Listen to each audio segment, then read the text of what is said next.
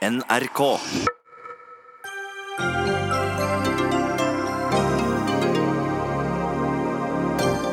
Venstre går inn i regjering. Til gjengjeld må pelsdyrnæringa avvikles. Den oppgaven går til landbruksministeren fra Frp, som mener dette var partiets største tap. Det er ingen god grunn til å ha menneskelige fastleger om noen år, sier McKinsey-sjef, som tror maskiner kan overta. Teknologioptimistisk sprøyt, svarer fastlege. Ole Einar Bjørndalen får ikke gå i OL. Han har ikke prestert godt nok, mener Olympiatoppen. Bjørndalen bør få gå uansett, protesterer komiker og sportsfantast Johan Golden. Og hvis aktiv dødshjelp skal gi mennesker mulighet til å velge døden når livet føles uholdbart, hvorfor ikke gi tilbudet til alle?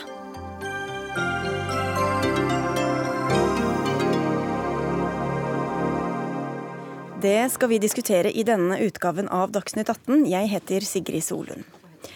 Etter utallige debatter, tiltak, avsløringer og løfter om bedringer, i går kom dødsstøtet. Pelsdyrnæringa skal avvikles om seks år.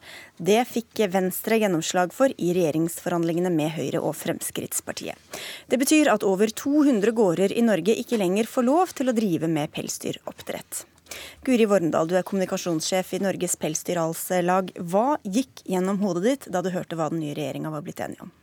Eh, det første var jo et eh, sjokk. Eh, vi fikk et vedtak i Stortinget i fjor, i januar i fjor, for bærekraftig utvikling, som var leda fram av Høyre og Fremskrittspartiet i all hovedsak i front.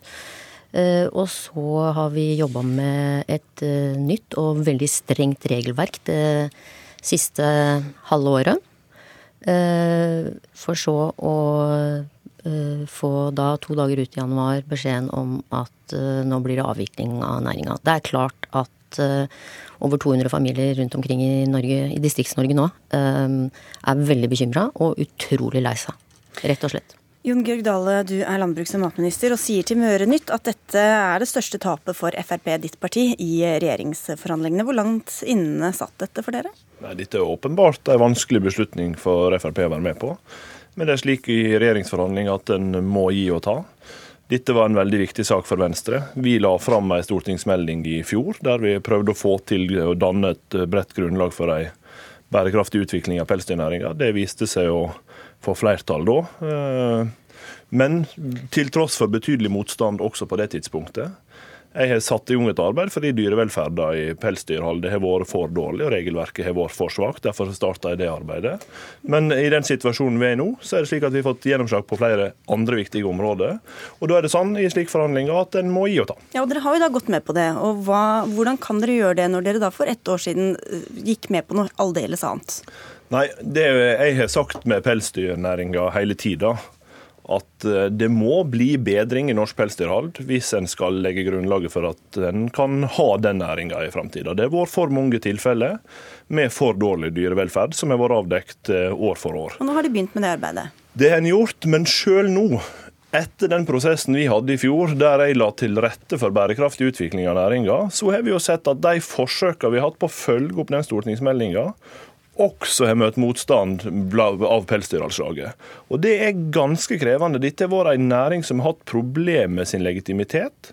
Som har fått stadig større politisk opposisjon. Så da var det ikke så vanskelig å gå med på dette her, da? Eller hva er det ja, du egentlig sier? Ja, Det mener jeg at det var. Fordi at vår jobb i de fire åra vi har bak oss, har vært å legge til rette for en utvikling av distriktsnæringene. Pelsdyrnæringa er sånn. Derfor var vårt primære utgangspunkt det som ligger i stortingsmeldinga. Men det er sånn du må gi og ta. Vi har fått gjennomslag for en stram innvandringspolitikk, flere politi i gatene, Nå argumenterer du både for og mot å legge ned Nei, næringa? Men, men det, er, det, er, det er en utfordring her. Norske pelsdyrbønder er ikke innvandrere, i hvert fall. Vi Nei, prøver bare å leve i Distrikts-Norge. Eh, nå blir det mørkt i mange vinduer eh, rundt omkring Nei. Eh, i Distrikts-Norge, uten tvil. Det, det, er min jobb å sørge for nå. Og det ligger klart i den plattforma som vi også er enige med Venstre om at vi skal utvikle dette på et vis som gjør at de bøndene som nå mister levebrød av dette, opplever at det er en eh, forutsigbar mulighet for å avvikle dette. Derfor har vi jobba for lang avviklingsperiode. Derfor vi, sier vi nå at vi skal få på plass kompensasjonsordninger som gjør at en kan finne annen næring. Men det har vært et problem Det er hovedutfordringa. Jeg har stått opp for denne næringa, forsøkt å gjøre det. Men det er ingen tvil om at også i, i den politiske miljøet så har en opplevd at det har vært utfordringer med å få næringa til å skjønne hva slags alvor det går i. Så dere kan takke dere selv, er budskapet mellom linjene altså, Vi er jo i, fullt, i, full gang med å implementere alle de nye forskriftene og reglene. Vi har jo bl.a. nå utvikla et eh, elektronisk journalføringsverktøy som skulle være oppe og gå. Altså, vi var klare nå til å følge forskriftene fra 1.1 slik planen var. Nå er jo de for øvrig trukket tilbake. Nå kan men dere gå tilbake til mer dyremishandling? ja, eh, det har vi aldri drevet med. Eh, det vil jeg bare ha sagt, for det går ikke an å tjene penger på å drive med dyr som er mishandla. Det, det, er en kjensgjerning. Men når det er sagt, så har jeg lyst til å si en ting, og det er at man skal ha en omstilling. Ikke vet jeg hva det er folk skal omstilles til. Eh, det er slik at vi har for mye av en rekke landbruksprodukter i Norge i dag. Skal, eh, hvis vi skal eh, settes til å lage kortreiste trolldeigfigurer som skal henges på låveveggene for at en eller annen eh, turist skal raske det med seg i forbifarta, så er ikke det nok til, som et inntektsgrunnlag for de familiene dette gjelder. Så her har man rett og slett her, her, er man i ferd med å sende en regning til Nav for veldig mange pelsdyrbønder. Men vi skal ta med også de som er ansvarlig for det hele, kan vi si, i hvert fall for presset på det, nemlig Venstre. Og du er leder i Unge Venstre, Sondre Hansmark. Jeg vet ikke om du er trolldeigansvarlig også, men eh, hvorfor eh, Eller hva er det dere faktisk ser for deg at disse bøndene skal uh, gjøre uh, om da fire, fem, seks år? Først må jeg bare få si at dette er en, dette er en veldig stor eh, dag. Eh, dette er en stor seier for både dyrevelferdsbevegelsen og for dyrene. Den kampen har pågått i veldig mange tiår, eh, og nå har vi endelig klart å gjøre noe med den. Og så hører jeg at eh, det er mange som påstår at eh, det går så utrolig bra i pelsdyrnæringen, at dyrevelferden er så utrolig god. Men det stemmer jo ikke i det hele tatt. Eh, Mattilsynet finner fortsatt grove feil på 40% av de pelsdyrfarmene de besøker. Da vi satt i regjering sist, i 2003, så ga vi pelsdyrnæringen en tiårsfrist på å finne gode nok tiltak, slik at de kunne sikre bedre dyrevelferd.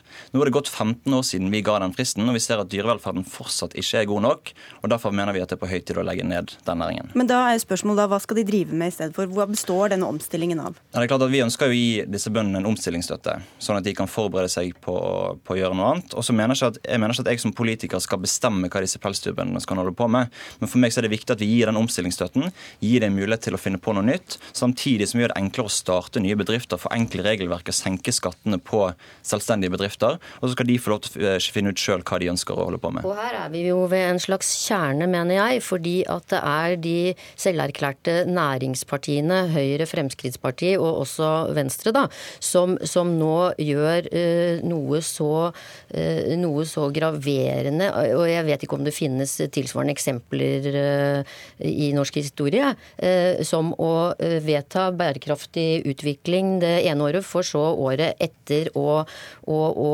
uh, foreta en kuvending som savner sidestykke i etterkrigshistorien. Altså, det kan vi vel ikke være i tvil om. Her har, du, her har vi et ekko fra deg, Geir Pollestad. Du er leder i næringskomiteen på Stortinget og sitter, uh, representerer Senterpartiet og sier at dette viser en vanvittig mangel på forutsigbarhet. Hva er det som er så uforutsigbart, når uh, du har visst at så mange har vært ute etter å legge ned denne næringa så lenge? Stortinget har hatt en eh, grundig prosess eh, på dette. Vi konkluderte for ett år siden. Vi skal ha en pelsdyrnæring i Norge. Vi skal stille strengere krav til dyrevelferd. Det var et viktig vedtak.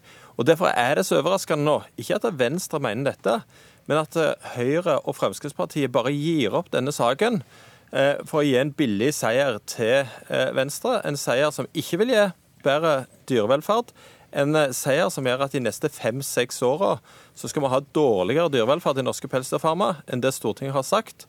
Eh, og det er en mangel på forutsigbarhet som er ganske stor. Og jeg syns det er lite troverdig eh, av Jon Georg Dale å, grine og framstille dette som et stort tap for Fremskrittspartiet. Jeg tror ikke noe på det. Jeg tror det var en lett ting å gi vekk fordi at de ikke er særlig opptatt av verdiskaping på bygdene. Du, jeg må bare si, for du sitter ikke i samme studio, men han er ikke grått uh, som jeg har sett, i hvert fall, bare for å presisere det. Men poenget er jo det samme, Dale. Altså, dere, dere gir uh, ny, et nytt regelverk uh, for å skal følge opp det, og i stedet for så legger dere det ned og fjerner de samme reglene som de nå har begynt å innrette seg etter. Hva slags forutsigbarhet er det? Nei, men det er derfor jeg erkjenner at for Fremskrittspartiet var dette et tap og måtte gi dette i regjeringsforhandlingene. Men du sier jo samtidig at det er greit, og at de kan skylde litt seg selv, eller det var mine ord, men, nei, ja, det var, men, ja, det var men, at, men at siden har vi hatt mange skandaler, så hva mener du med å si det, da? Med det mener jeg å si at vi har hatt en opposisjon mot norsk pelsdyrnæring som litt sterkere og sterkere år for år. Og det har vært behov for å rydde opp i en del saker. Jeg mente det var mulig. Eh, nå måtte vi gi dette i forhandlingene. og Derfor er hovedargumentet mitt nå at tida til omstilling, til å få opp andre alternativ enn Nav, som Pelsdyralslaget i dag viser til, er ganske viktig. Derfor gir vi forutsigbarhet i den avviklingsperioden. Vi kunne ha sagt at vi innfører et forbud kjapt på dette. Det gjør vi ikke, fordi det skal gi forutsigbarhet for aktørene. Vi sier at vi skal følge opp med kompensasjon for de eh, aktørene som står i dette. Vi skal eh, følge opp overfor kommunene som disse er etablert i, for å gi forutsigbar avvikling av denne Ja, næringa. Som, som, som, som, som gjennom denne regjeringsplattforma musses et bredt flertall er jo sånn, rundt sin Bare for å følge opp det Pollestad sa, for du, dere har jo faktisk gått med på dette. Det og, og innledningsvis så sa du også, du pekte på at det har vært avslørt en del etter dette. Ja, jeg, jeg, jeg, har ikke, Så- jeg, altså, jeg har ikke vært tilfreds Nei, med Pelsdyralslagets oppfølging. At det er greit eller ikke at det legges ned? Nei, jeg syns uh, det, jeg Men syns det vi har jeg- gjort, er at vi har hatt diskusjoner og dialoger underveis, og det må vel en næring få lov til Ja å ha. Men det som er, er øh, sjokket her, er jo at man mener en ting et år, og så gjør man en helt annen beslutning øh, øh, året etterpå. Det er jo ikke i nærheten av, av å smake av forutsigbarhet. Og eh, vi kan snakke for landbruket, eh, absolutt, men en hvilken som helst næring i Norge eh, altså det, det finnes ikke en næring i Norge som vil bli behandla på samme måten. eh, og det er en kjensgjerning. Og ja, vi må få lov til å diskutere og være i dialog med departementet for utvikling av regelverk, men når den beslutninga er tatt, så følger vi selvfølgelig det, og følger det opp. Og har allerede eh, implementert mye av det. Det får vi altså ikke lov til nå, for nå Men Men- er det kroken på det- døra. det- Det, det- er det- det er realiteten. Det, det er i veldig mange sektorer omstillingskravene går raskere enn at du får sju års forutsigbarhet for eh, en slik omstilling som denne næringa nå må gjøre. Det er jeg veldig glad for at den fikk til. Jeg skulle ønske at vi ikke kom i den situasjonen vi er i nå, men for Frp var det viktig å få gjennomslag på veldig mange andre viktige områder. Men det skal- For oss var det Og- og- og- og- forutsigbarheten der- der- Derfor handler det ikke om. Dere, jeg skal høre med Pollestad også, fordi Du sier at dette er så uforutsigbart, men å vite akkurat hva som kommer til å skje de neste seks årene, det er vel ganske få av oss som eh, er den eh, situasjonen forunt? Jo, men skal vi ha god dyrevelferd, så må vi jo ha bønder som ser i framtida, som tenker at deres barn skal overta drifta, sånn at de kan investere i god dyrevelferd. Men det som er kjernen i denne saken, som Dale ikke vil nevne, det er at en kunne jo ha gitt Venstre en rekke seire som ville ha betydd bedre dyrevelferd. Han kunne styrke Mattilsynet osv. for å ha gjort flere grep for flere dyreslag. For poenget med denne saken I verden så omsettes det pels for rundt 30 milliarder dollar. Det vil det gjøre. Selv om Norge legger ned sin eh, pelsdyrnæring. Eh, bare at produksjonen vil flytte til land med dårligere krav til dyrevelferd. Og jeg syns òg det er krevende at når Stortinget har sagt det er behov for å skjerpe dyrevelferden i pelsdyrnæringen, det skal vi gjøre nå, så sier Frp, Høyre og Venstre nei, nå skal en drive i sju år. Og en skal ikke skjerpe Ja, reglene. En skal og avlyse det var det jeg hadde tenkt å stille spørsmål til deg, Hansmark. fordi nå har noen har begynt å legge om, men nå dropper dere altså de kravene til strengere dyrevelferd. Sånn at de neste seks årene kan vi få dårligere dyrevelferd enn hvis vi vi ville fått hvis ikke dere hadde kommet med det kravet som dere kom med. Men vi har jo vært en pådriver for bedre dyrevelferd i Norge i veldig mange år. Jo, Og men det det var ikke det- det det, det, det, det dette Senterpartiet, Hvordan kan dere gå med på å, ha dårligere krav til denne næringa de neste årene enn det som var lagt opp til fra før av? Nå skal vi begynne å gi den omstillingsstøtten, sånn at flere så raskt som mulig kan begynne å stille dette om til en annen næring. Men Men jeg mener, jo men, jeg mener jo at Nå hører jeg på en måte at mine tre andre debattanter snakker veldig mye om, om dyrevelferdskrav i denne næringen.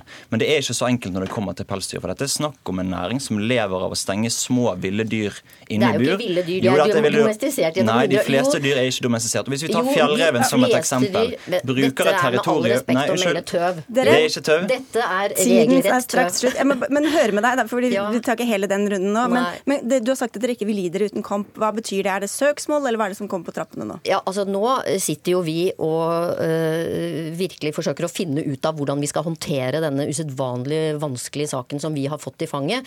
For oss så øh, hadde jo vi øh, nå virkelig et program for satsing for denne næringa.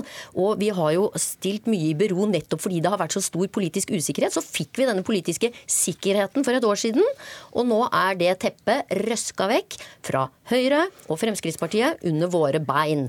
Det er sakens kjerne. Jeg, eh, jeg eh, syns det bør være ganske stor grad av dårlig samvittighet hos, eh, hos regjeringspartiene nå.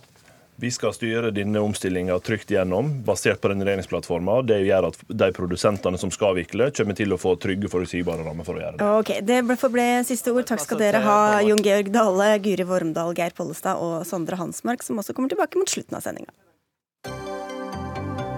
Dagsnytt 18 alle hverdager klokka 18. På NRK P2 og NRK2.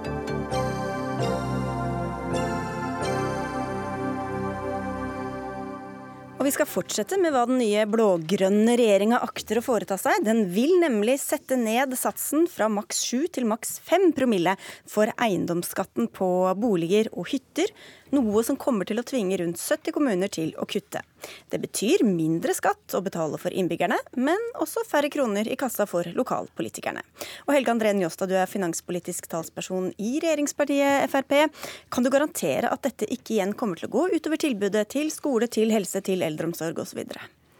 Vårt utgangspunkt er at eh, når det er veldig mange kommuner i Norge som klarer seg uten eiendomsskatt, eh, så må flere kommuner lære av dem og drive mer effektivt. Og klare å drive kommunene sine uten å sende regningen til minstepensjonister, til folk som har problemer med å betale som eiendomsskatten i dag eh, er. Eh, og Derfor så har vi stor tro på at dette vil være veldig bra for, eh, for landet og få redusert eiendomsskatten. Og det er jo stort for Fremskrittspartiet å få gjennomslag i plattformen for noe som vi har vært alene om å mene.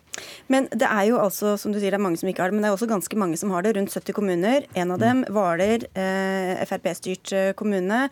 Ordfører Eivind Nordmann Borge sa til Aftenposten i fjor høst kutt i eiendomsskatten kommer til å bety sykehjemsplasser. Visste han ikke hva han snakket om? Det er mulig at eh, han visste. Han eh, stemte iallfall imot å innføre eiendomsskatten i sin kommune. Da var det et annet flertall som gjorde. Eh, men når man ser kombinert med at noen klarer å drive uten eiendomsskatt, med at vi har styrka kommuneøkonomien fire år på rad, så er det fullt mulig å drive en norsk kommune med gode tjenester, òg innenfor eldreomsorgen, som er òg i plattformen styrka, uten at man trenger å sende regningen til innbyggere, til minstepensjonister og folk som har vanskelig for å betale bare fordi de eier et hus som allerede er beskatta nok. Rigmor Aasrud, du er kommunalpolitisk talsperson i Arbeiderpartiet. Hva mener du blir konsekvensene? Vi kan ikke skjønne at det blir noe annet enn kutt i tjenestetilbudet i de kommunene som rammes. Nå er det nok langt flere enn 70 kommuner som har eiendomsskatt, men, men som, må, ja, som, blir, eh, over 5 om, eh, som får, har over 5 promille. promille. Eh, det, det, går ikke å tenke seg at man bare kan effektivisere bort de typer inntekter vi her snakker om. Så det blir altså mindre tilbud, mindre tilbud i barnehagene. Det blir færre som kan jobbe i sykehjemmene våre, så det blir færre som kan jobbe i skolen. Men er det nødvendigvis sånn? Det kan jo være fristende å ty til til eiendomsskatt, i stedet for å se på effektivisering eller andre måter å gjøre ting på. Så kanskje tvinges kommunene til å tenke litt nytt, i stedet for å bare ty til eh, skatteinnkreving. Ja, jeg har vært ordfører i en kommune i mange år, og vi dreiv med omstilling og effektivisering hvert eneste år jeg var ordfører, og det tror jeg fortsatt kommunene gjør. Men det er sånn at det er blitt store behov i kommunene, og sjøl om det har vært en svak økning i kommunene eh, de siste tre-fire åra, så er de to åra vi kommer inn i nå, veldig krevende i kommunesektoren. Så jeg tror at ingen kommuner innfører eiendomsskatt fordi de har lyst. De ser at det er behov for det for at de skal kunne levere tjenester likeverdige med andre kommuner. Og det tror jeg er viktig for kommunene, at de kan gi gode sykehjemstilbud. At det er nok lærere og annet personell i skolen, og at barnehagene er trygge. Da er det ikke lett å bare kutte vekk 400 millioner kroner som regjeringa her legger opp til. Spørsmålet er hvorfor dere Frp, som ønsker eh, at ting skal avgjøres på lavest mulig nivå, dere vil ha mye kommunalt selvstyre, hvorfor dere skal frata kommunene denne muligheten til selv å råde over egen inntekt? Det er jo fordi at vi har mer sympati for eh, minstepensjonister som sitter i store hus, enn vi har for kommuner. Eh, og så Nå høres det ut som at kommuneøkonomien står og faller på noen eh, hundre millioner i eiendomsskatteinntekter. Det gjør ikke det. Dette er langt mer alvorlig for de som må velge i Bodø, som må velge om de skal sende ungene i barnehage eller betale eiendomsskatten. Det er minstepensjonister som har store hus som de sitter igjen med, så de blir skattlagt i hel med.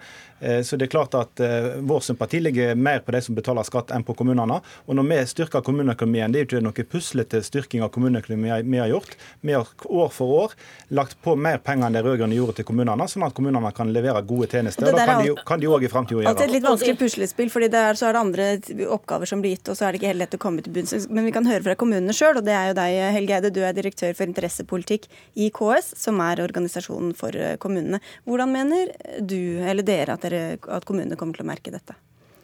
Ja, de, Det er jo disse 70 eh, kommunene vi snakker om som vil merke det direkte i første omgang. fordi De har ikke noe annet valg enn å finne inndekning i sine budsjetter. Og det er jo riktig som eh, Njåstad her sier, at dette er ikke liksom det enorme beløpet i kommunesektoren samlet, men selvfølgelig i de kommunene det gjelder, så vil eh, beløpet merkes. Og dette kommer eh, på toppen av den innsparingen og effektiviseringen som samtlige kommuner, de inklusive, gjør hvert eneste år. Så det vil være krevende valg. Men så, men så er det som også blir sagt, det er mange kommuner som ikke har det, og det er mange som har lavere sats enn 5 promille. Så, så hva sier det om hvor tvingende nødvendig det er å faktisk ha det? Den kommuneskatten? Det, det, er helt riktig, og det er en betydelig verdi, syns jeg, at det kan være forskjellige valg. For det, det dette her typisk dreier seg om, det er valget mellom eh, standarder på ulike kommunale tjenester. Det kan være eh, hvor mange sykehjemsplasser man skal ha. Det kan være snakk om eh, tilbudet til barn og unge når det gjelder gratis leie av idrettshaller og en rekke andre kommunale tjenester. Og valget mellom å øke den standarden Eh, eller eh, også å da si nei til eiendomsskatt og heller akseptere litt lavere standard på eiendomsskatt. Det mener vi er en, en, en, et valg som typisk høres hjemme i, i en lokal kommune å ta, ta, stilling til. Det er kloke innbyggere eh, og det er kloke kommunepolitikere som er i stand til å argumentere for og mot å legge det fram i demokratiske valg til sine innbyggere.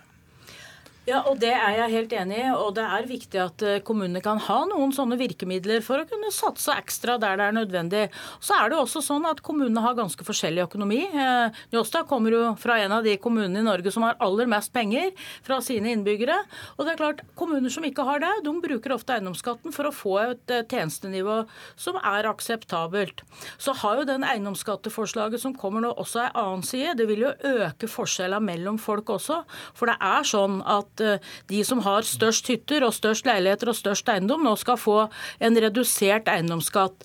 Det vi er redd for da, er at de kommunene som har eiendomsskatt nå, vil senke bunnfradraget, sånn at eh, det blir flere som må betale eiendomsskatt. Og det er jo ofte de som har de minste formuene, de minste eiendommene, og da kan det gå utover de mm. som har minst. Hvordan skal dere ta høyde for det, da, Njåstad? Nei, Vi skal jo sette skattene ned. Det er jo interessant å høre Arbeiderpartiet være så opptatt av å skattlegge. og Eiendomsskatten er jo den mest usosiale og urettferdige eiendomsskatten vi har i Norge i dag. For den tar ikke hensyn til hva betalingsevne du har. Er du ei gammel enke som sitter i et stort hus, så må du betale masse selv om du har eh, lån og andre utgifter.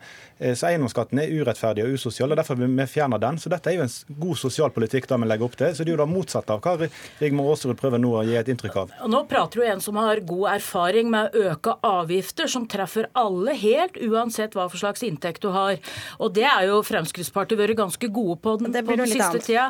Ja, men det har jo en sammenheng. Eh, og eiendomsskatt er ikke populært hos mange, men det bidrar til at vi får gode tjenester ute i Kommune-Norge. Og jeg tror som Eide at kloke eh, lokalpolitikere ikke gjør det fordi de har lyst, men fordi de ser det er nødvendig. Ja, og det er sånn... For det at inntektene f.eks.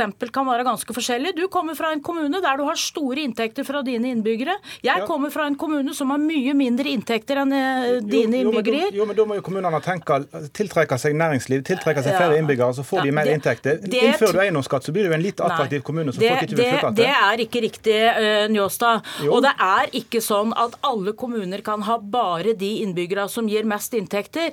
Hadde min kommune hatt samme inntektene som dine innbyggere gir, så hadde Gran kommune hatt 70 millioner mer å rutte med. Da hadde man ikke trengt eiendomsskatten. Og som... derfor bruker man eiendomsskatten til å utjevne. Som representerer både de rike og de fattige kommunene, da? Ja, jeg har lyst til å si at Vi har, vet jo litt om sammenhengen mellom eiendomsskatt og næringsetablering.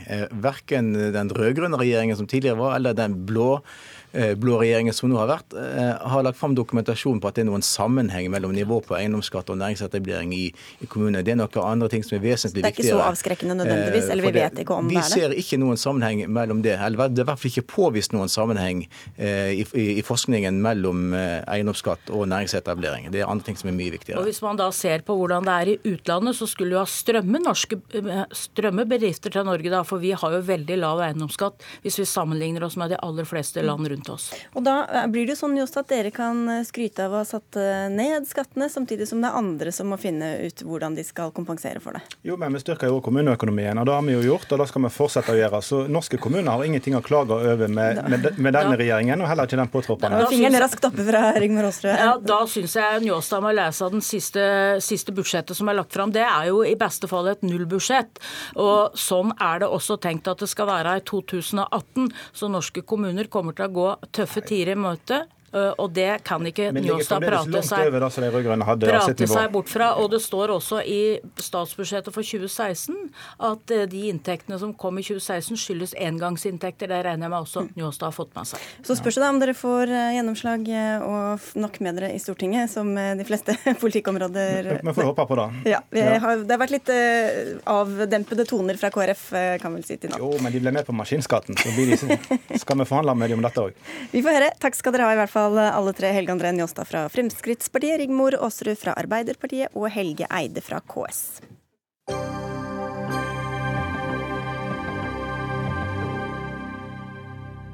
Idretts-Norge er delt på midten etter at det ble klart at tidenes vinterolympier Ole Einar Bjørndalen ikke får være med til OL i Sør-Korea. Det er klart etter at Olympiatoppen i dag sa seg enig med Norges Skiskytterforbunds innstilling. Mange mener likevel at verdens mest meritterte skiskytter burde fått en plass i toppen. Det mener også Bjørndalen selv, som sier han kunne vært medaljekandidat i OL. Jeg er dessverre ikke i, i den troppen og skulle gjerne ha vært det, men uh, jeg kommer for seint til form i år. Så jeg føler jeg skulle klart å vært det i OL, men det det er jeg tydelig på, at jeg er fortsatt medaljekandidat i OL. Og, det, og at jeg kan ta medalje der. Reidar Soli, du er leder for eh, sportsavdelingen i Dagsavisen og kommentator der. Er du enig? Er han medaljekandidat? Det er kanskje å ta litt mye i, men jeg vil lytte til uh, eventuelt fjellregel for Olympiatoppen. Lytt til Bjørndalen. Og når han sier selv at han er i, en uh, formstigning, og ville klart å komme i form til OL, så er det faktisk Er det noen eh, utøvere de skal stole på i dette landet, så er det vel Ole Einar Bjørndalen etter sine åtte gull. Men selv med dårlige odds, hva er eh, gode grunner til å ta ham med eh, av andre årsaker? Nei, en, en, ting er at han alltid har vært i, i et landslag når, de, når norsk skiskyting har vært i mesterskap de siste, ja, siden OL på, på Lillehammer. Han er viktig for, for miljøet. Men han er en prestasjons, han er en, han er en vinnerskalle som presterer. Så jeg tror han også kunne prestert i OL. Jeg ville iallfall tatt om meg som en reserveløsning til en stafett. Stafetten går ikke før siste fredagen i februar, nei, siste fredagen i OL. 23. februar. Det er ganske lenge til. Mm. Og så hadde han da, viste han da i forrige uke formstigning. Eh, som vi gjerne skulle sett litt mer av. Men så får han da ikke anledning til å gå flere renn i verdenscupen før eh, laget ble tatt ut. Og det syns jeg var eh, også en feil vurdering. Vi får høre med deg, Tor Øvrebø. Du er leder i Olympiatoppen og til sjuende og sist ansvarlig for disse uttakene. 13 medaljer i vinter-OL, mestvinnende og Norges eh, yndling Ole Einar Bjørndalen. Hvorfor fant dere ikke plass? Han er jo også verdens største vinterolympier, så jeg kjenner jo veldig godt til prestasjonene til Ole Einar. Og Det er viktig å få fram for oss at uh, vi har gjort en veldig grundig vurdering, nettopp fordi at det er Ole Einar vi snakker om. og Han er en kulturbærer i norsk uh, toppidrett, og han vil være en bauta uansett uh, hva som skjer fremover. Så, men vi har da holdt oss til altså Det er mye følelser i dette. vi har forsøkt å være veldig saklige, så vi har hatt god et godt samarbeid med, med Skiskytterforbundet om å komme frem til denne innstillingen. Så vi er helt enig i de vurderingene som de faglig ansvarlige i Skiskytterforbundet har gjort over lang tid. Og da konkluderer til at dere rett og slett ikke hadde tro på at han kom til å greie det? Ja, Han har ikke gått fort nok, mm. og det er liten tid igjen. Og hvis vi skulle gjort masse tilpasninger for å få Ole Einar med, så måtte vi satt ut den som er personlig kvalifisert gjennom sine egne prestasjoner. Det måtte vi satt til side. Og så hadde det blitt veldig trangt med tid før vi drar i gang og OL starter. Det er ikke så veldig lenge til, så nå må vi ha fokus på de aller aller beste utøverne. At de skal få optimale forberedelser i siste perioden. Det er mange som engasjerer seg i det her. Johan Golden, eh, du er ikke bare komiker, du er også mer sportsinteressert enn gjennomsnittet og har reagert på dette uttaket. Hvor, stor, eh, hvor mye handler dette om medaljetro, og hvor mye er det ren eh, nostalgi eller kjærlighet i Bjørndalen?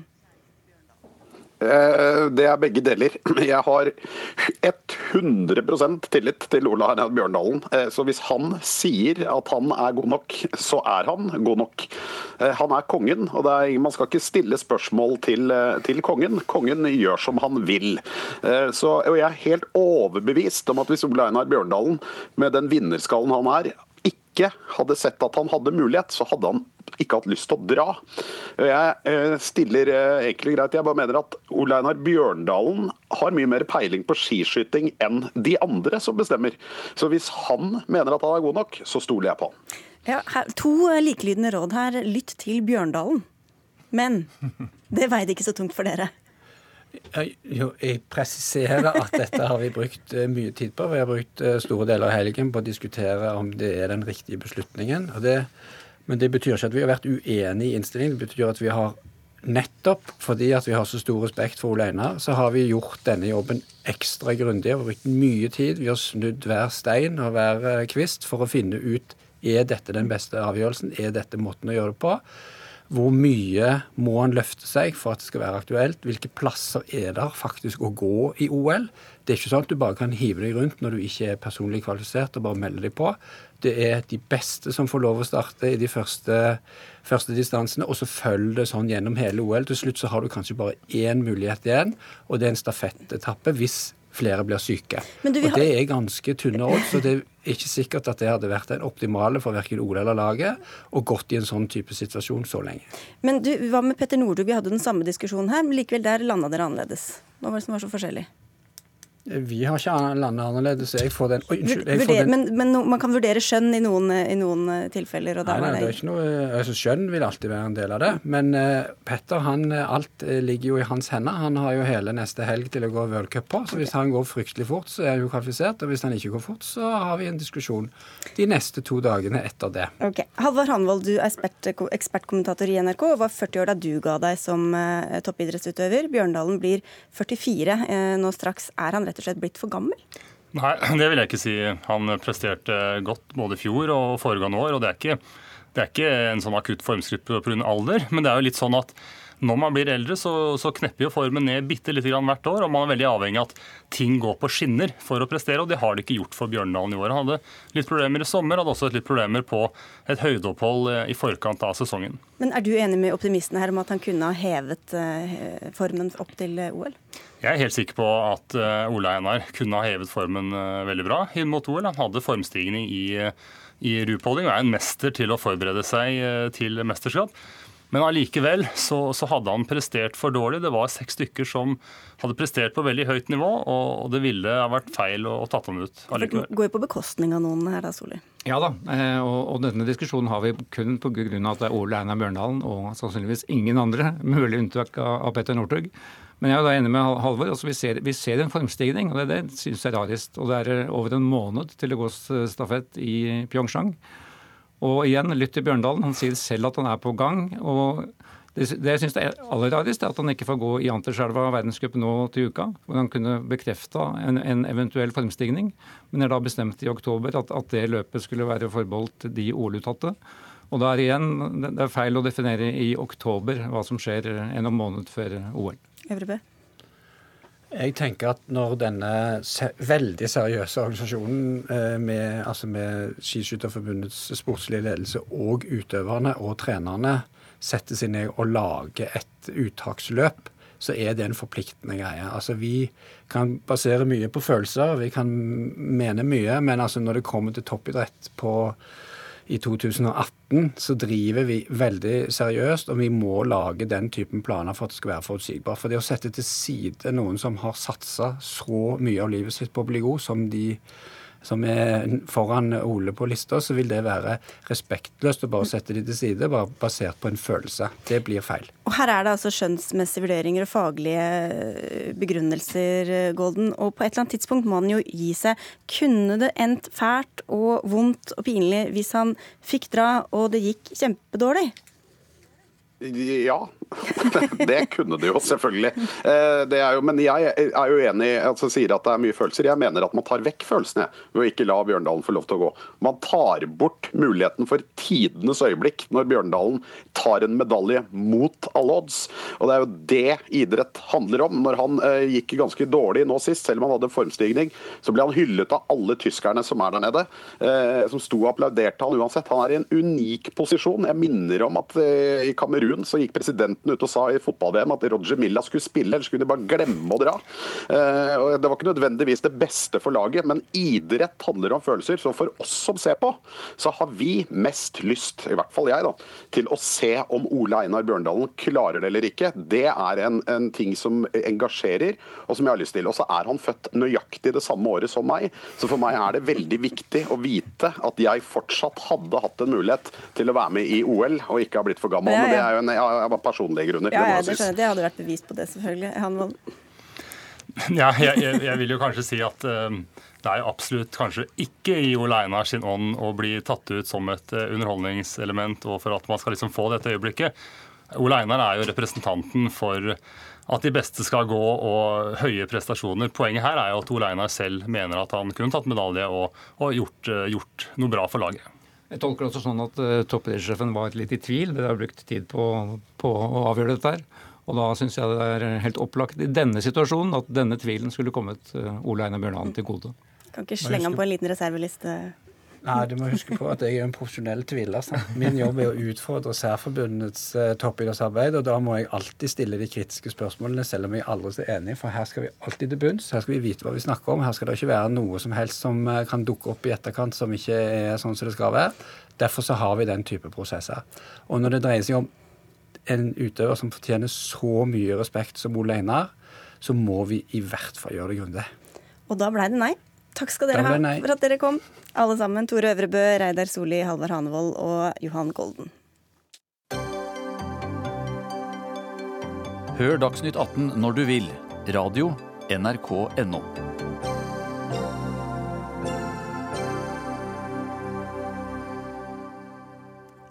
fem år kommer fastlegen din til å være et menneske. Det er ingen grunn til at ikke en maskin kan ta seg av den jobben, sier sjefen i Google og konsulentfirmaet McKinsey til Dagens Næringsliv i dag. Bakgrunnen er en rapport bestilt av Google som utreder hvilke jobber som kommer til å bli erstattet av maskiner, automatisering og kunstig intelligens. Petter Brelin, du er fastlege og leder Norsk forening for allmennmedisin. Hvordan ser du på det å bli erstatta av en maskin om noen år? Jeg har ikke noe tro på det. Jeg tror dette er sånn fremtidsvisjoner som egentlig er ganske naive. Eh, eh, jeg kaller dette for eh, sprøyt. Dette dreier seg om at man har veldig tiltro til at diagnostikken er det vesentligste av det vi driver med på fastlegekontorene. Mens det å stille en diagnose, det er nesten noe av det enklere vi gjør. Omtrent halvparten av de møtene vi har med pasientene våre, dreier seg om bare 30 diagnoser. Og Det å stille disse diagnosene, det klarer vi greit. Det å følge opp pasientene og se dem, disse nye diagnosene i sammenheng med de gamle diagnosene, se hvordan pasienten har det, hvilke sosiale og relasjonelle forhold de har rundt seg, hvilket nettverk de har, om de trenger en innleggelse for denne sykdommen sin, ja, det er langt mer krevende. Og jeg tror jo at på mitt legekontor i dag så var det kanskje 30% av pasientene som var over 80 år. Jeg tror det er en stund til de føler seg trygge hvis de blir tatt eh, vare på av iPaden sin. Så dette dreier seg nok om hvordan man ser på møtet mellom behandler, eh, omsorgsperson, lege og pasient. Og Jeg blir litt sånn skuffet over at disse store eh, firmaene, som ønsker å ha en stor rolle i det norske helsevesenet, at de reduserer dette til et spørsmål om algoritmer, om kunstig intelligens og om det å stille diagnoser. Bare det. Vi kan jo høre først, eh, Martin Beck Holte, du er toppsjef i McKinsey Norge. Hvor realistisk tror du faktisk det er at eh, han og hans like blir erstatta av maskiner om bare noen få år? Så, så jeg tror For helsevesenet spesifikt så er jo konteksten at uh, etterspørselen kommer til å, å stige markant de, de neste ti årene, fordi vi blir eldre, det er flere som kommer til å trenge mye pleie. Så jeg tror vi skal se på teknologi som en mulighet til å få dekket behandlingsbehovet på en effektiv måte. Og da kommer vi til å være i en verden hvor eh, menneske og maskin, eller lege og maskin, kommer til å jobbe nært sammen. Og, og det er jo ikke uh, absolutt ikke sånn at legene, legene, blir borte. Men jeg tror vi skal bruke teknologien til å, å få dekket få løst oppgavene i helsevesenet på en, på en, effektiv måte, og at legene kan bruke det maskinene kan gjøre på en effektiv måte. Så skal de supplere fastlegen eller erstatte fastlegen? Så øh, det kommer til å være behov for primærhelsetjeneste i fremtiden. Uh, vi, vi, altså, primærhelsetjenesten kommer ikke til å bli borte, men den kommer til å bli understøttet av teknologi i, i stor grad, som gjør at vi kan få dekket etterspørselen der på en mer effektiv måte enn vi gjør i dag. Men ja, for Du sier jo selv at du har fått veldig mye mer å gjøre. Arbeidsmengden din har eksplodert den siste tida. Så hvorfor ikke um, omfavne det at en maskin kan avlaste deg på det den maskinen kan? Det skal vi omfavne. Og jeg tror også denne teknologien kan hjelpe oss med å følge opp pasientene våre tryggere, minne oss på de tingene vi må gjøre med pasientene. Særlig disse nye, litt kompliserte kreftforløpene. Det er klart at vi kan få hjelp av dette der. Men vi er ikke der i teknologiutviklingen i det norske helsevesenet at vi skal ha så veldig stort fokus på akkurat dette. Det er fortsatt sånn at det sendes eh, brev mellom sykehusene, at vi sender prøver i taxier, at vi sender bilder i taxier. Så det er et sånn par skritt fram til den eh, maskinen? Litt, eh, jeg kaller dette for litt sånn hypervisjonært. At vi må prøve først og fremst Jeg er helt enig i at vi skal utvikle IT-løsninger for helsevesenet. Jeg er helt enig i at også vi i primærhelsetjenesten kommer til å glede av det. Men jeg er altså ikke enig i at det er der vi skal ha fokus på det, akkurat denne teknologien nå. Nå må vi uh, sørge for det basale. Og Der kunne jo disse selskapene kanskje hjelpe oss med å rigge oss til med noe bedre infrastruktur. Litt bedre meldingstjenester mellom sykehus, leger uh, og alt det der, før vi snakker om disse løsningene her. Jeg kan vel også nevne at dere også har vært rådgivere for Helse Sør-Øst, som driver og sender disse dokumentene med budbil og drosje. Så kanskje begynne et litt annet sted enn på fastlegekontoret? Vi, vi forsøker det også. også det er jo innenfor området på e-helse eh, f.eks., så er det jo et kjempepotensial. Og eh, det er jeg 100 enig i. Og det er klart vi skal ta det ut, og det er masse å ta tak i. Og så var Konteksten for dette var jo en bredere vurdering for hele Nord-Europa, egentlig, og Norge også hvordan ny teknologi vil spille seg ut i, i arbeidsmarkedet totalt sett. Ja, og Da var bare medisin ett av eksemplene. Men, men, for å ta dette med diagnostisering, hvor presise vil du mene at disse maskinene er, kontra eh, Brelin eh, på hans kontor? Eh, så det er jo Vi kommer til om noen år nede i løypen, så kommer maskinene til å være bedre enn mennesker. Hvis du bare sammenligner enten menneske eller maskin, så kommer maskinen øh, å være bedre menneske nede i løypen. Og så kommer det til å bli sånn at vi kommer til å jobbe menneske og maskin sammen, fordi det, er det beste, beste produktet. Uh, og uh, nå kom Alibaba kom med et nytt program i går hvor maskinen kan lese bedre, forstå tekster bedre enn Alibaba, da får jeg tanker til noe helt annet enn noe som har med Hva er det for noe? Alibaba det er jo et et av verdens største e-handelsselskap. Men de holder på, holder på med denne type teknologi, de også. Og så dreier ikke dette møtet mellom lege og pasient seg om bare å lese tekster, det dreier seg om å lese personer. Om personer som kommer med uavklarte tilstander som slapphet eller eh, dysterhet, eller at man har smerter på steder som det ikke er helt vanlig at folk har smerter på. Og så må man prøve å tolke den personen man har foran seg. Og det er et stykke til eh, disse maskinene. Altså Hvis disse maskinene får veldig sånne klare kriterier og, og blir presentert kanskje for middelklassen, velutdannet middelklasse som eh, kan sette veldig gode ord på hva det er som plager dem, så kan de sikkert være en hjelp. Men det er ikke så sikkert at alle kan hjelpes av dette. Og Det er jo ikke sikkert, det kan være sammensatte diagnoser. Det kan være flere diagnoser eh, på en person. Hvor, hvor godt rusta er de maskinene det, til å Desto bedre med, med, smarte maskiner. Altså, altså, sånn, utgangspunktet er jo heller ikke at uh, leger får alt rett. Uh, jeg har vært hos min fastlege to ganger. Han har null av to. Så vi må ikke starte med utgangspunkt om at mennesket er uforbarlig. For det er veldig langt unna. Det går an å skifte fastlege. Altså. Ganske lett, faktisk. Men det er jo sånn, altså, ikke alle leger kan alt. Noen er bryske, de hører ikke etter, de er ikke oppdatert eh, og feildiagnostiserer. De kan sikkert, og vi kan alle, få hjelp av denne teknologien. Det er jeg også helt sikker på. Mm. Det, men Jeg tror ikke på noen måte at primærhelsetjenesten kan erstattes. Altså For den trafikkulykken der det velter en 16-åring på moped, så kan ikke det hjelpes av en eh, Da må noen rykke ut der og hjelpe til med den ulykken. For hun som trenger en samtalepartner fordi forholdet er gått i stykker, så trenger hun kanskje et menneske å snakke med, og ikke en maskin, osv. Ja, men når den maskinen, Dersom det blir sånn at maskinen setter en diagnose, så må vel en lege uansett komme inn og følge opp? Eller? I hvert fall for, for, en del av diagnosene. En, en, del kan jo være veldig simple, så du bare trenger å gjøre en direkte bestilling på apoteket, så får du medisin. posten. hvis du har streptokokker i halsen, så, så, så, så for et uh, subsett av diagnosene så vil det være kurant. Men for stor andre av diagnosene så er det jo akkurat det som er bra, at mennesker kan bruke tiden sin på det de maskinen ikke kan, som går på menneskelig nærhet, behandling, omsorg osv. Og, så og de frigjør kapasitet til det. Og nå er det allerede også sånn at det finnes jo en del apper og alt mulig annet man kan uh, søke på nettet. ikke sant? Og, og, og Om ikke vi var engstelige fra før så blir vi det i hvert fall når vi leser om alt det vi kan ha. Og da kanskje det er greit med en sånn maskin som sier nei, men slapp av, du har ikke den uh, dødelige sykdommen du har googlet deg fram til at uh, du har. Ja, og den, den maskinen skulle jeg gjerne hatt tilgang til, og den skulle jeg ønske at mine pasienter brukte litt. Den som sier at slapp av, du, har, du er ikke syk. For sånn som det er i, i dag, så er det jo sånn at Google er en av de som virker virkelig øker trykket på fastlegekontorene. Google sørger for at de eh, aller mest alvorlige diagnosene som du kan tenke deg med dine symptomer, de kommer først. Sånn at det er en stor del av fastlegens arbeid nå, det er å berolige folk som har fått råd fra Google. Og det viser seg at for hver gang vi innfører en ny teknologi, så blir det mer arbeid på fastlegekontorene, også på sykehusene for den saks skyld. Sånn at eh, det, vi kan jo håpe at det kan lages en teknologi som også beroliger folk.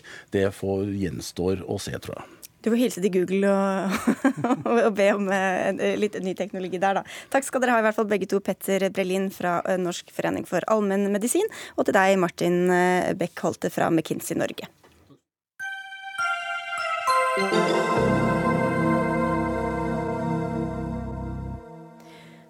ungdomspartier tar til orde for å innføre, eller i det minste utrede, muligheten for aktiv dødshjelp i Norge. Folk må selv bestemme over eget liv og egen død. Men alle presiserer det må være strenge kriterier og bare et tilbud for de få. Dette er selvmotsigende, sier du Håvard Nyhus, du er kommentator i Vårt Land, hvor du også har skrevet om dette. Hvorfor mener du at uh, disse to tingene ikke helt lar seg forene?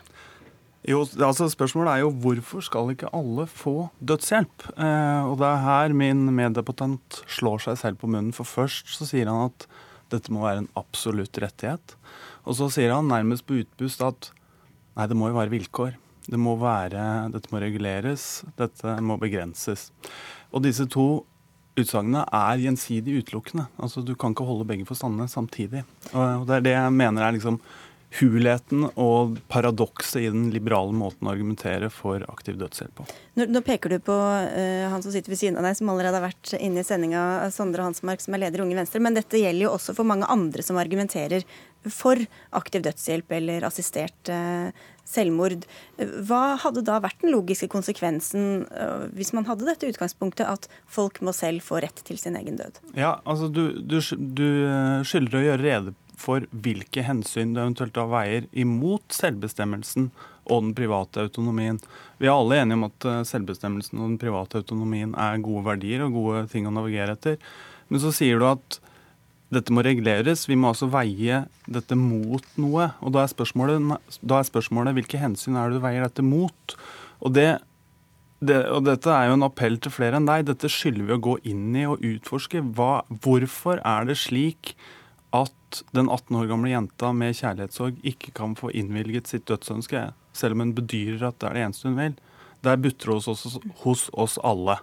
Så du etterlyser en mer prinsipiell um, oppfølging av på en måte dette utgangspunktet. da. Og Dere har jo da diskutert um, i spaltene til Vårt Land, Sondre Hansmark, leder i Unge Venstre fortsatt. Dere ønsker altså å tilby assistert eh, selvmord, og du skriver at, eh, som allerede er blitt sitert, retten til å dø bør være absolutt. Hva sier du da til denne selvmotsigelsen som Nyhus peker på?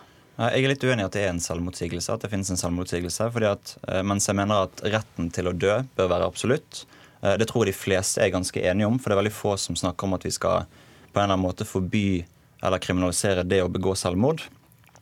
Eh, så mener jeg også at det finnes, eh, jeg mener at staten bør tilby eutanasi eller assistert selvmord som vi ønsker, fordi at folk skal få en verdig avslutning på livet. Men det at jeg har en rett til å dø når jeg vil, det utløser ikke nødvendigvis en plikt eh, for staten til å ta livet av meg.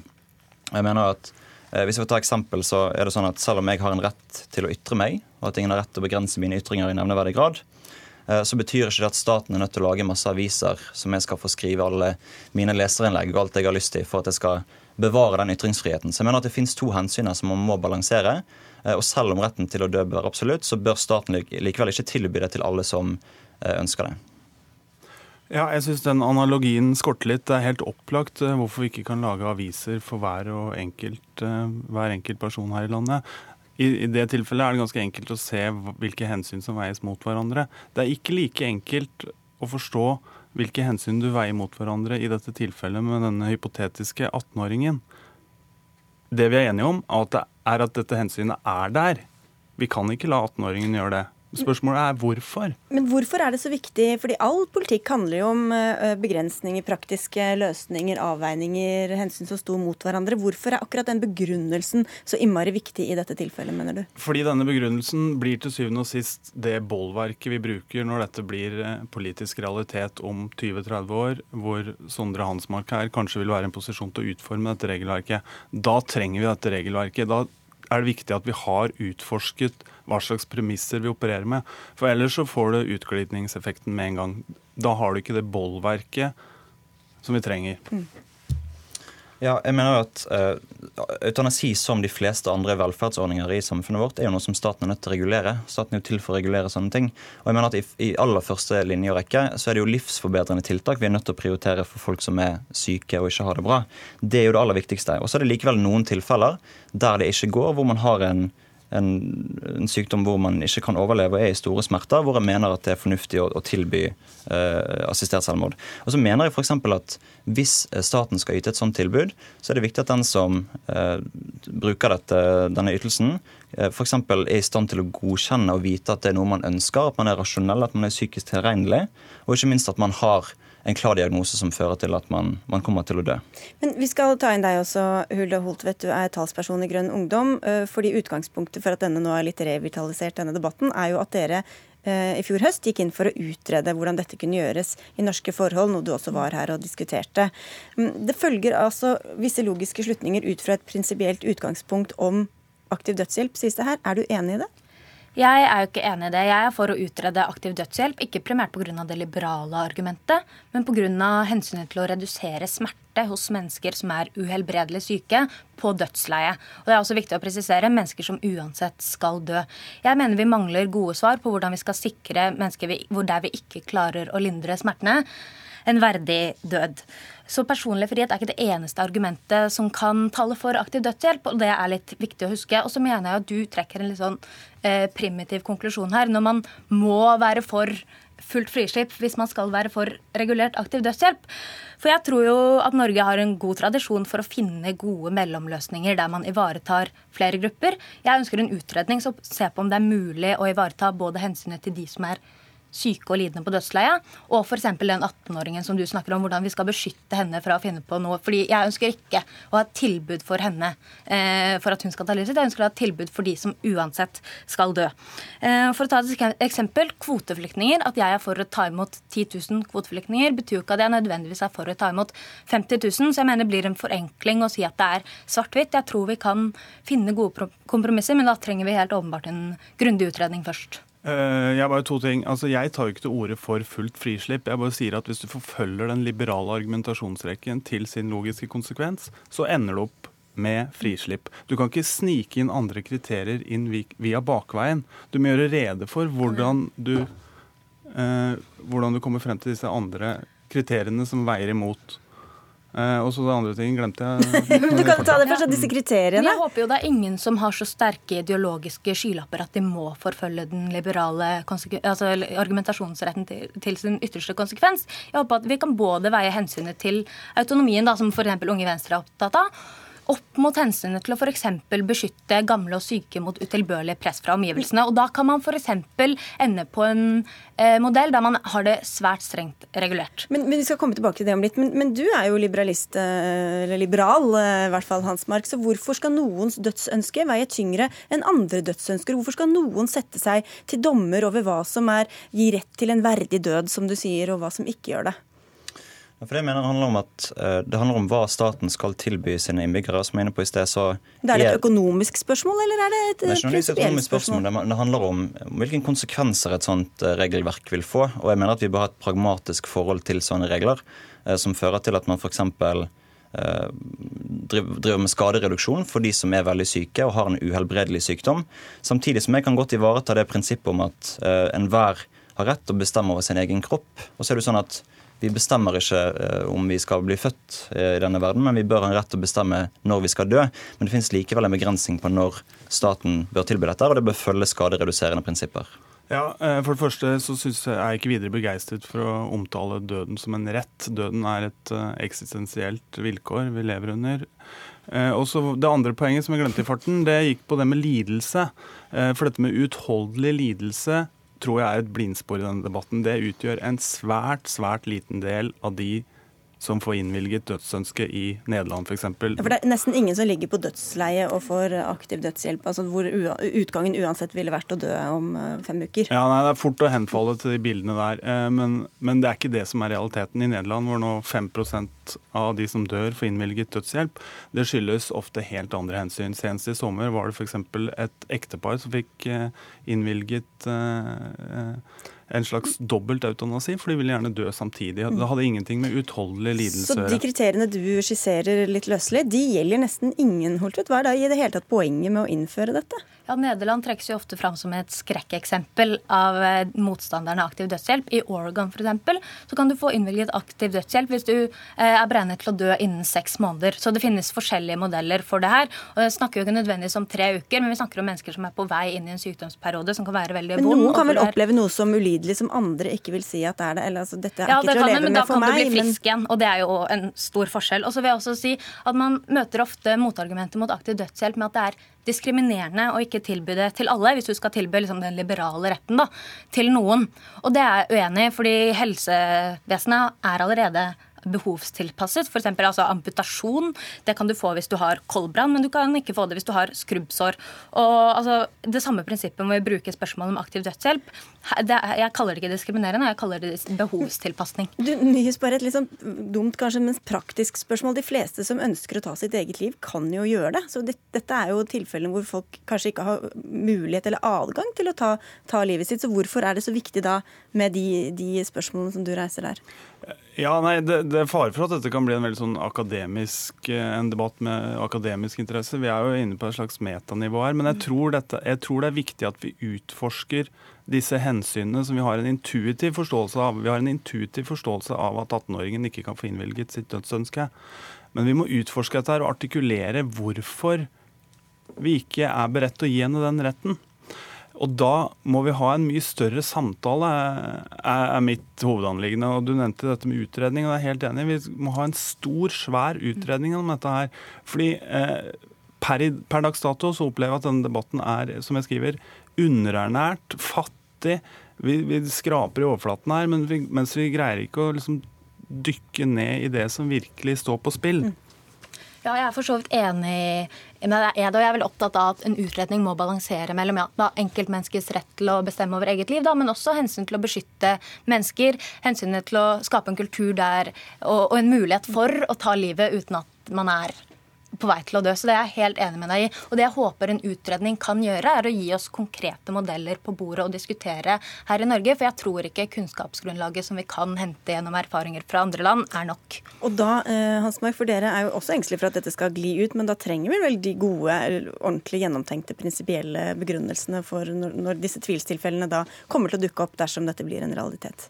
Ja, det er klart at vi trenger jo en grundig utredning på dette. Det tror jeg alle tre er ganske enige om. Og så er det sånn at eh, når Nederland ofte ofte trekkes fram som et skrekkeksempel, så vil jeg påstå at Norge vil jo ha sin egen modell for dette, som jeg mener bør være strengt regulert. Vi trenger ikke nødvendigvis følge eller kopiere andre land som har eh, dårlige løsninger. Og Når det kommer til den 18-åringen, så mener jeg at eh, et prinsipielt prinsipielt skille da, er jo at denne 18-åringen kan hjelpes har ikke en, en, dødssykdom som kommer til å ta livet av, av, henne med det første.